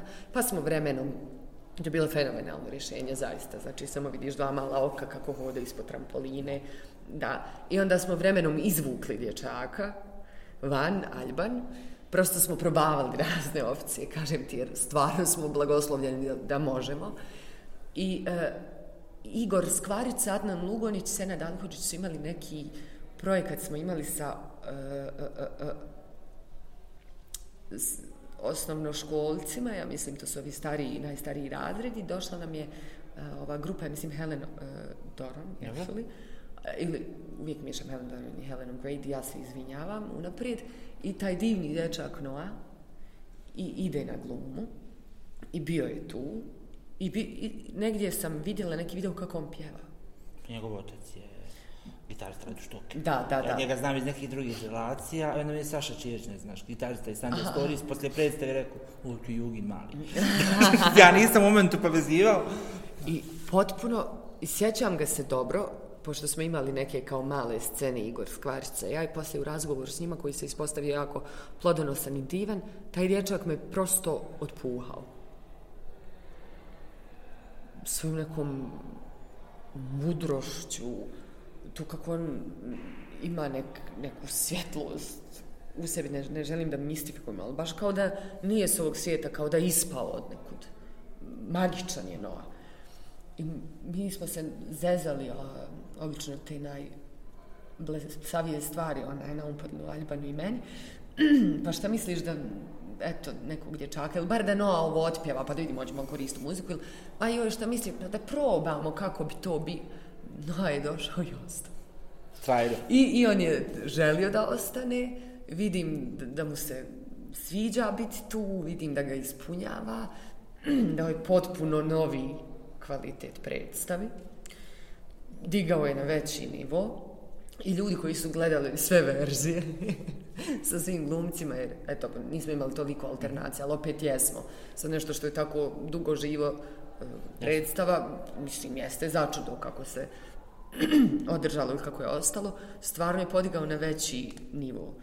I sretni smo što je s nama tu, no, a i, mislim da stvarno lijepo funkcioniše i uvijek mu se uh, radujem nekako, jer je imen još uvijek novo, eto, tako smo imali nekoliko igranja, radujem se što je tu i zaista je drugačije se nekako, kako, kako je on tu, što je nekako i logično. I naravno, naša stela, najnovija stela Matea Mavrak, koja je, ne znam, prosto, rekla sam ti malo prije, ne znam, u oficijalnom i neoficijalnom razgovoru popravila mi je cijelu prošlu godinu. To je jedno rijetko pristojno, radišno, civilizovano biće. Pravi drug, to jeste drugarica, užasno talentovana i stvarno toliko toga zaslužuje i nadam se da će je Sartre zgrabit i ne dat nikome. Ja, da, da, da, da sam na nekoj poziciji nekog teatra, ja bih um, se borila za Mateu možda i fizički. Jer je ona sa, sa tom svojom pojavnošću, tim svojim nekim lijepim glasom, subtilnošću, tananošću je s novom tako nadogradila našu predstavu. E, pošto smo sad tu duže Igor Alban ja, pogotovo Alban ja, mi smo prosto, i mi smo bolji kako je ona tu i no. I eto, svi smo nekako zaljubljeni u Mateu. Divno. Da. Pitao si me i koje su mi u razgovoru vam prije, e, koje su mi uloge bitne, sve, ali mi je stvarno um, blanš, pa da budem iskrena i e, najvažnija, zaista jeste, e, svaki put nakon igranja te predstave osjećam se kod da sam pješačila i planinarila jedno dva dana. Sve se kolege tako osjećaju, umorimo se, ali na najljepši mogući način. Zaista, blanš je razne stvari, ali ono što zašto ja mislim da je ona jedna e, od najusamljenijih e, osoba iz dramske književnosti je to što, na primjer, e, vrlo konkretno niko ne navija za nju. Niko. Lady Macbeth ima Macbeth za nju jadnu niko, niko ne navija. E, I ta sestra odustane u nekom vremenu razumljivo zbog čega, ali ona je toliko, vrlo je to usamljeno, nepregledno skladište gdje ti moraš da uđeš kao glumica da bi pokušala što istinitije iz sebe i iz teksta da izneseš i odigraš ono što treba ali nekako svaki put mi je drago kad je živa to taj sat i 40 minuta i drago mi je da ljudi vide i pozitivne stvari u vezi nje kojih je pregršt skupa sa svim onim možda na početku odbojnim što ona nosi sa sobom, ali kad se... Ali nije to samo štit. Da, kad bolje malo pogledaš, svi to radimo, svi nekad gledamo štit. druge ljude s visoka. Ona izgleda kad uđe na scenu kao da nosi kamen na lijeđima pitanje samo... To je dobro. Zašto? Jer se nikad ne pitamo šta, šta ti nosiš. Šta u hodu se to otkriva jednim dijelom, onda doživi šta doživi na kraju. Prije što izađe sa scene kao... Da. Hipersenzibilna željna, Kako ste odlučili da na onom mjestu završite predstav? Na onom mjestu. Da. Pa tu je nekako i kraj. Nju odvode e, u psihijatrijsku bolnicu. Mi smo te neke stvari izuzeli, ona samo, to, od, ona samo odlazi. Divno. Završila je sve. Divno rješeno je to je to. I taj duh no, prošlosti no, no, Noa je iznese i Stella um, ostane u toj kaleži, u tom u toj nekoj ružnoj močvari Idemo onog što je njoj život ponovo, sad. Mislim, živi, ponovo ništa jeste, živi žena sa uh, zlostavljačem, pristale, ali kako Stela skače na kraju, imamo tu elipsku na početku, skače iz drugog kvaliteta, možda i Stela ode. Mislim, ja bih voljela da Stela posle nekad. toga ode nekad stvarno, jer svi ti likovi, svi bi samo da budu sretni. Jesi čitala putovanje u skriptorijum Pola Ostera, skačem radikalno, ali imam pojentu. To je knjiga kojoj bivši likovi zatvaraju pisca i objašnjavaju šta je sve s njima radio, šta se poslije desilo s njima. šta se divno. Da, da, da, znaš, bukvalno. Da, da, da.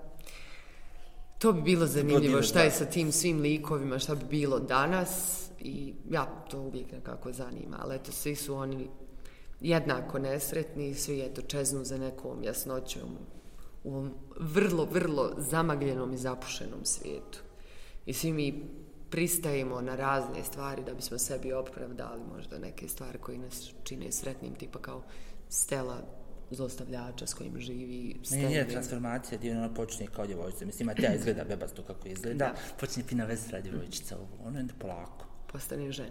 Postaje žena, vidiš mrak, vidiš tugu, vidiš strah, vidiš zaljubljenost, mm -hmm. onu dječju. Mm -hmm. I na kraju ono pred... Gotovo, predala se. Nekako. Da tu... Da, skakanje na kraju otvara mogućnosti, ali da. ono, odabrala je. Ili nije imala drugog izbora jednostavno. Da, da, ili, ja, iz ovih ili iz onih razloga najlakše nam je naći opravdanja za neke stvari sebi nekako predočiti, objasniti zašto smo stali i zašto živimo sa bilo kojim izborom u našem životu. Ja mislim da ljude definišu jedino njihov izbor. Da, I to nekako, kad spoznaš da je to jedino što te definiše, Ali sve u svojom predstavom je ukratko majstra. hvala ti puno. Br. Mi je jako volimo. Ja sam preporučivao, mislim da nema čovjeka s kojim sam pričao. Od kako sam gledao. Hvala Prvo, znaš, puno. nema čovjeka kojem nisam. Mnogo ti hvala, Jer nama je jako nešto- stalo To nije sad nikakvo kodavanje komplimenta, to je Razumijem, tako... hvala ti. Znaš, to je, to je jednostavno dobro. Reci mi, još ono, posljednje kraja, koje su vještine, saznanja, pogoduju profesiji glumca? Jesi se bavila možda atletikom, gimnastikom, Ja, sportom? kako i tako odmah ti na atletiku, ja sam nešto malo. Zamisli, skakala sam u vis. Lako se krećeš po ono. Lako Svi se kre- jako lako krećete po Pa onom. to je vježba. Za Mateu znam da je bila balerina, za Albana vidim da je fizički spreman jako, vidim mišiće i tako dalje. Igor je miran tamo, umiren u čošku. ali, ali vi ste pokriti se krećeš. To ti je vježba, jer o, neko Dobro, ali ja debeli ne bi bolje... mogao tako lako da se krećem. Tehnički. Zbog lijeđa, zbog opterećenja naprijed, zbog e, elastičnosti tijela. Ja sam, vjerujem svoju, e, nikad se nisam dugo, ja sam od svakog sporta odustajala, malo ples pa odustanem. I ta atletika je bila u jednom periodu mog života, negdje sedmi, osmi razred, skakala sam u vis, kao što rekao. Bilo mi je zanimljivo, ali sve meni to, bi, ne znam, odustajala sam, bila sam velika e, pobjegulja u to doba od svega što me zanimalo, osim od, eto ja kažem, gluma je jedina stvar. Jedina konstantna, jedini, konstanta, jedini kontinuitet u mom životu. E, naučiš, ljudi koji me malo bolje znaju, ja djelujem, mislim, ne znam, djelujem li čvrsto, ali možda djelujem možda uzemljeno, ali nekad važim za nekog ko možda može biti malo nekad, mm, malo smotan. Stvarno jeste. I to mi je okej, to sam ja, šta da radim. Ovo je čista vježba. A šta ti treba i što je super, fizička spremnost uvijek, e, sve više i više imaš e, fizičkog u teatru i to moraš. A moraš i radi kondicije. Ja sam sad malo u lošoj kondiciji, ali tipa za tramvaj, nije toliko fizički zahtjevan, dobro, jeste zbog ovih skokova, Matej je zapravo najgore na početku, jer treba jako dugo da skače, ali da bi moglo tijelo da ti isprati i emociju, treba ti snage, treba ti stamine, treba ti čvrstoće, jer nakon nekog vremena ode glas, snaga, prosto ti tijelo odustane. Treba puno snage za ovu predstavu, zaista da izdržiš, e, bilo koje muzičko obrazovanje, to je sve više prisutno u teatru. Sve što ti može naumpast da možeš da naučiš je super za ovaj posao. Apsolutno sve. Svaki talent koji misliš možda da ne možeš se u potpunosti ostvariti u njemu, ali što da ne voliš da fotografišeš, super rad, to. Me- Meni je to jako interesantno. Nekad čini mi se da mi i ok ide, jako mi je to zanimljivo, pogotovo kad me ljudi ne gledaju, ljudi, opet ja i ljudi, super su mi ovako prizori, zalosti sunca, mrtva priroda, priroda, sve, sve mi je to divno, ali ništa ko ljudi, zaista, zaista, to mi je najfascinantnije od A svega. ja nastavim se utopim. Nekad davno sam pjevao u Horu Pontanima i sniman je dokumentarni film o Horu Pontanima koji se zove Vjernici i da to je radio Damir Šagoj fotografije. A, Damir je... I nas 30, kao i svaki hor, rekla se, preslačenje javno, na brzaka, obično na 5 minuta, neke prostorije 2 sa 2, i pofrke pogledaš Damira, koji onako nije ga niko ne vidio da je ušao, pa a imaš potpuno povjerenje u to da on neće slikat nikog neprilično. Nego uhvatiš Damira kako iz nekog čoška fokusira neki odraz u ogledalu, Da. nekog i tako dalje. E ja nastojim tako da se postavim, ako sam u prostoru da me ne vidi niko. Da, uspio si to. u vrijeme, u vrijeme škljoca, mi imamo sad konačno aparat kojim se nikako ne čuje šater, ovaj, i u vremenu škljoca mislim da je nepristojno sad iskakati. Mislim da je slikanje telefonima degutantno, kad neko slika foto, ovim fotoaparatom, vjerovatno ima neku umjetničku namjenu i tako dalje. A kad neko slika kao inventaš, to je baš onda malo Pa nekulturno. Ovo kad sam bio neki dan u Beogradu u pozorištu, Mhm. bukvalno na kraju rečeno, molim vas da ugasite vaše mobilne telefone i da ne slikate tokom predstave. Kraj razgovora. Da, ali to ljudi ne poštuju, evo, mislim, ne znam, Ja ne mogu da kažem, ja na svaki događaj koji idem nosim fotoaparat i slikam, ali ja to radim jer sam navikao da gledam kroz to. Da, I, I muzičke događaje gledam kroz to, i nekačem ja to nešto po Faceu posebno, ni, ni, po društvu, Instagram nemam, nije mi to pojenta, ali sam navikao, na, najveći fotografski izazov su mi lica ljudi na bini, odnosi svjetla i tako dalje, da zabilježim to nešto. A pri tome da me ljudi ne vide. Jako jest. važno, da me ne registrujete. da, ti telefoni su nešto baš, Sad ljudi bez njih ništa ne mogu i voljela bih da publika bude malo senzibilnija što se toga tiče. Znaš, nekako igraš, publika je tu, zapravo i nije tu i ti samo vidiš kako svijetle ti telefoni. Ali više ne Onda se da svijetle, svi ovi telefoni imaju toliko dobre senzore da na osvjetljenju koje vi nudite zaista jedan mali blitić neće ništa doprinijeti osvjetljenosti kadra. Tako da je, mislim, blic samo pitanje neznanja, pogotovo Ma telefonski. da, ali ne, ljudi izvode telefon, dopisuju se. Znači, pored mene je na predstavi sjedila žena koja je gledala ko je lajkao post. Mislim, morala sam vidjeti jer sam... Pored mene su na klinci gledali utakmicu. Mislim, to je strašno. telefonu. To, to je grozno i u kinu i na bilo kakvom kulturnom, u- i u kinu i bilo kakvom e, kulturnom događaju. Prosto to ne radi, jer možeš tih sati i po biti bez telefona. To je onaj divni stih još skroz, ti, Adnan Šarano, ti u kino nosiš kompjuter. A da, nekako, Bukvalno, ne bilo bi baš lijepo kad bi ljudi s te strane Poštovali. poštovali i kad bi bilo fino kutica telefon. američkom ambasadi ubaciš. Pa e, to je krasno, mislim, dobro, ne moramo do te Ra- krajnosti. radikalizacija, ali nešto, ili imitacija signala, ili nešto. Pa kako god, eto, samo kad bi ljudi nekako, eto, nije lako, nije lako izaći na tu scenu, proći sve što moraš, ti to želiš da podijeliš s nekim, želiš da to tebi treba, ti meni trebaš, jer ja bez tebe ne postojim.